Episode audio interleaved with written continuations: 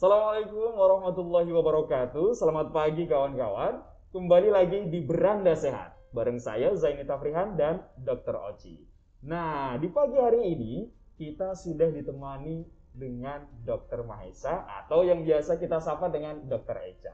Selamat pagi, Dokter. Selamat pagi, Assalamualaikum. Waalaikumsalam. Nah, ini saya sudah didampingi oleh dua dokter yang nanti akan kita ajak ngobrol-ngobrol terkait eh, kesehatan di Indonesia utamanya. Nah, ini yang paling kenal dengan Dokter Mahesa ini adalah Dokter Oci. Mungkin Dokter Oci punya informasi menarik Iya. buat Dokter Mahesa. Uh, kita ngundang Dokter Mahesa nih Mhm. uh, untuk bincang pada pagi ini tentunya Mhm. untuk ngobrol tentang kesehatan ya, Kesehatan. apalagi mudik gitu. Oke. Nah, beliau ini sehari-harinya biasanya di Rumah Sakit Haji sebagai Direktur Umum Direktur guys. Pelatihan dan Pendidikan. Oke, baik. Nah, di organisasi profesi juga beliau menjawab menjawab kok menjawab sih? Menjabat.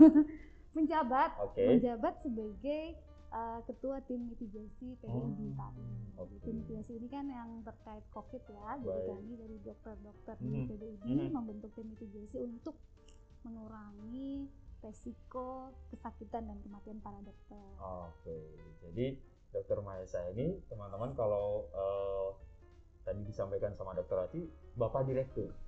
Tapi kalau boleh ini kegiatan dari Dokter Mahesa selama ini, eh, apalagi sebagai tim satgas juga ya gitu ya, menangani COVID-19. Nah, kegiatan sampai hari ini nih paling sibuknya ngapain dok? Ya, Mas Zaini. Jadi eh, tadi sudah disampaikan Dr. Oci, saya Ya. memang banyak waktunya tersita di rumah sakit. Hmm, Walaupun saya juga sebagai dosen di FKUIN. Sarjana Tulu Jakarta, siap. tapi sejak awal pandemi Aha. saya ditunjuk sebagai ketua Satgas Covid di Rumah Hmm. Sakit Haji Jakarta Baik. dan juga saya masuk dalam tim Satgas eh, Kementerian Agama Iya. Republik Indonesia. Jadi memang dari awal pandemi kita berjibaku bagaimana masalah pandemi ini Hmm. jangan sampai menimbulkan hal yang buruk ya, Baik. baik bagi pelayanan kesehatan, terutama bagi masyarakat sekitar. Oke. Kita tahu dalam perjalanannya angka-angka kesakitan, angka kematian terus bertambah. Mhm. Kalau kita melihat grafiknya, sebenarnya kita belum lewat dari gelombang pertama ya Pertama. sebenarnya Hmm.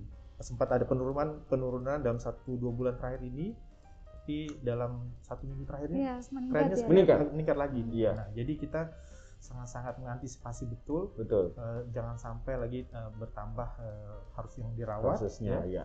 terutama juga tenaga kesehatan Mas Iya, Bro Oci, ya setuju. kita karena tenaga kesehatan ini sebagai benteng terakhir ya Hmm. benteng terakhir dalam situasi pandemi dan sampai dengan hari ini pun Presiden belum mencabut situasi darurat Belum, COVID. Oh, masih Dari Jadi ma- Maret. kita masih berada dalam Dalam situasi, situasi darurat. darurat pandemi COVID-19. Pandemi COVID. ada. Itu yang belum mungkin tidak disadari banyak orang. Betul dan dan ini mungkin teman-teman yang yang hari ini menjadi isu juga gitu Betul. Dokter Aci bahwa sudah di bulan Ramadan menjelang akhir nih kita di hari Ah. ke-17 Ah, gitu kan. Ini momen-momen yang biasanya warga negara Indonesia pada umumnya itu eh, sudah punya ritual mudik lebaran. Nah, kalau teman-teman mendengar atau membaca di laman eh, portal berita begitu ya. Uh, nanti Dokter Maesa boleh merespon. Dalam seminggu terakhir kita sudah banyak informasi yang masuk bahwa gelombang COVID-19 terutama di India, Gitu. saya baca tadi pagi Mhm. itu sampai 300 ribu dalam seminggu terakhir ya? kasus positif. Positif. Nah, ini gimana nih dengan eh, kebiasaan masyarakat Indonesia yang eh, apalagi dari pemerintah melarang nih mudik lebaran. Nah, tapi memang tidak bisa memungkiri banyak saudara-saudara kita yang sudah rindu karena Iya, tahun kemarin tahun nggak bisa sih, pulang tahun kemarin gitu. pulang Termasuk ya. saya juga gitu. Tahun Nah, ini nih, Nah, mesti tahun pulang. ini gimana nih? Apakah Mesti nih, pulang. apakah nih mudik tahun ini eh, larangan mudik tahun ini itu juga menjadi antisipasi dari pemerintah begitu, dokter? Ya, kalau kita melihat tren ya, Mhm. itu tidak hanya mudik Mas Jani. Oke. Dalam setiap libur-libur panjang itu kita mendapatkan tren eh, kasus terkonfirmasi dan yang Mhm. dirawat itu memang selalu meningkat. Oke. Dan kalau melihat eh, kalau kita nggak usah jauh-jauh, kita hari-hari ngelihat di jalan aja. Oh, masyarakat udah macet ya? Udah macet di Hmm, mana-mana. udah ya biasa, kan? udah biasa. Kafe-kafe yang tadinya mungkin apa eh, jaraknya masih jarang-jarang tapi sekarang udah mulai rapet apalagi pas buka Iya. puasa. Buka puasa. Buka kan? puasa, Puasa. ada. Ada apa Buka puasa Dari sekarang rumah pakai masker, jaga jarak, pakai hand sanitizer. Sampai Pas buka maghrib langsung makan barengan. barengan buka masker Buka bareng-bareng masker. dalam satu area di restoran dan Betul. lain-lain. ini yang kita khawatirkan Ya. sebenarnya. Kalau tadi Mas Yani sampaikan di India memang lagi luar biasa Lagi tinggi. terjadi tsunami ya. Hmm, Kalau kita katakan tsunami, Tsunami. COVID di sana karena tiba-tiba lonjakannya Tinggi lonjakan banget. tinggi sekali dan kita khawatirkan di Indonesia dengan jumlah penduduk yang padat seperti ini ya kita khawatirkan jangan sampai terjadi seperti di Oke. India gitu kan. Soalnya nggak Iya. beda jauh kan kulturnya beda ya. jauh gitu. Acara Benar-benar. ini acara keagamaan gitu acara kemarin kan. keagamaan kumpul-kumpul bareng di sana juga ada tradisi mudik Betul. juga gitu loh dan dan ini mungkin jadi jadi uh, perhatian pemerintah juga nih uh, Iya. dokter Aci sama dokter Mahesa nah kira-kira sekarang ini persiapan dari pemerintah selain melarang masyarakat kita untuk tunda dulu deh mudiknya Hmm. itu apa ya Gitu. pemerintahnya pemerintah sendiri sih tentunya sih eh, pemerintah selain men- mengeluarkan larangan itu ya Mhm. tetap menyiapkan fasilitas-fasilitas kesehatan dan Fasilitas kesehatan. Oke. nah bagaimana teman-teman karena mungkin pemerintah sadar kalau orang Indonesia agak-agak sulit Agak diatur sulit. ya jadi tetap ada antisipasi-antisipasi seperti itu sih yang kita mau siapin. Oke. Kalau saya dari fasilitas kesehatan primer, mungkin kalau dokter Mahesa dari Mhm. rumah sakit ya dok, Ya. Nah, pasti ya SDM kan lebih banyak apalagi Nah, sekarang iya. dengarnya beberapa rumah sakit sudah mulai membuka bangsal covid lagi karena Oh ya? peningkatan kasus Iya. mempersiapkan tsunami kedua atau gelombang kedua atau gimana Ya, antisipasi selalu setiap hari Antisipasi. kita lakukan. Oke, Karena baik. sampai dengan hari ini kami di rumah sakit belum ada perintah untuk menurunkan eh, apa kesiapsiagaan kita. Oh, Jadi jadi masih standby Masih untuk standby. untuk tetap eh, menerima satu Betul. waktu misalnya Karena itu tadi terjadi lonjakan. situasi darurat belum dicabut oleh presiden. Oh. Kira-kira sampai kapan itu status darurat? Ya, sebenarnya kita berharap kalau dari awal ya masyarakat kita Mhm. konsisten untuk eh, disiplin menjalankan Mhm. protokol kesehatan. Tetap- kemudian grafik itu signifikan turun ya, Mas Mhm. ini Mhm.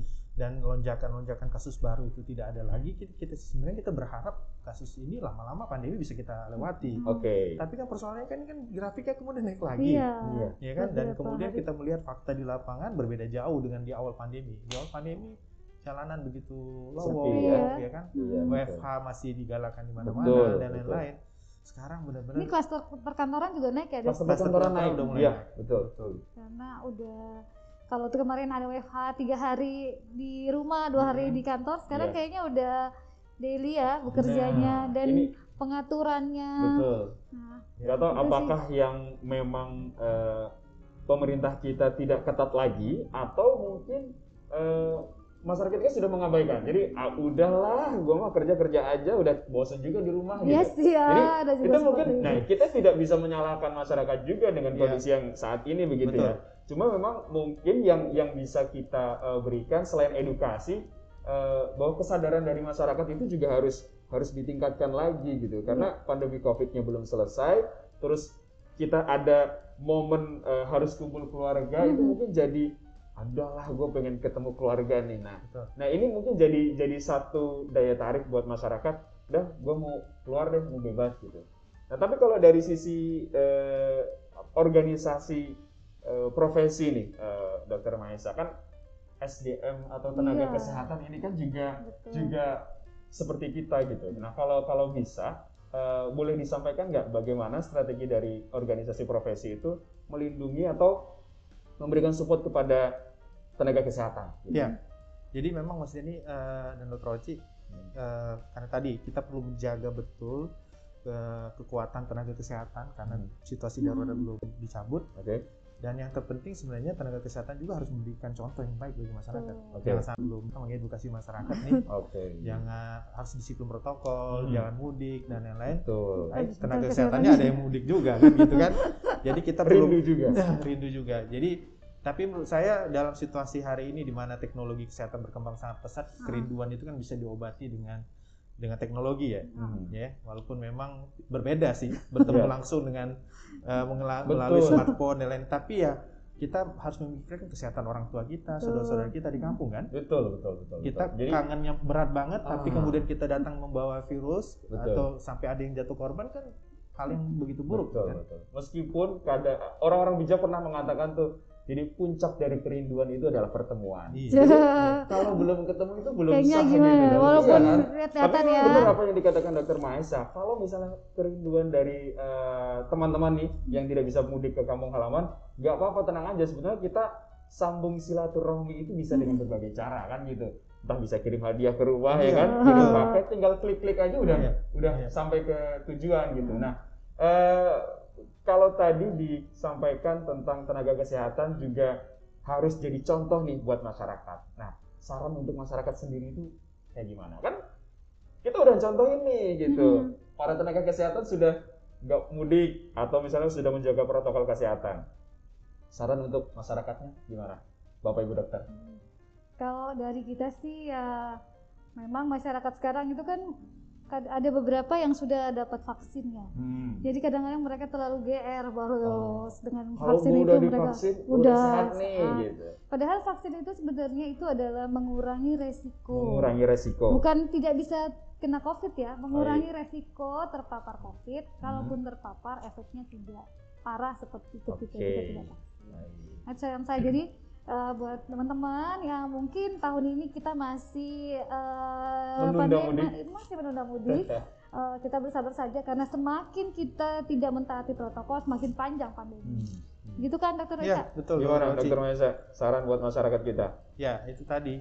Mungkin karena beredarnya banyak informasi melalui sosial media, Hmm. hoax kesehatan Yes. bertebaran di mana-mana dan sekarang kan dibilang masyarakat itu lebih gampang mempercayai informasi di sosial media ya Hmm. daripada ucapan langsung Iya. dokter. Pagi-pagi langsung buka itu soalnya. Iya, bangun Iya. tidur belum cuci mata, belum cuci mata, belum gosok gigi udah buka Hmm. dulu WhatsApp buka itu kan. Betul, betul. Sehingga informasi-informasi itu ibaratnya kalau terlalu banyak informasi dia akan terima mana aja gitu kan. Iya.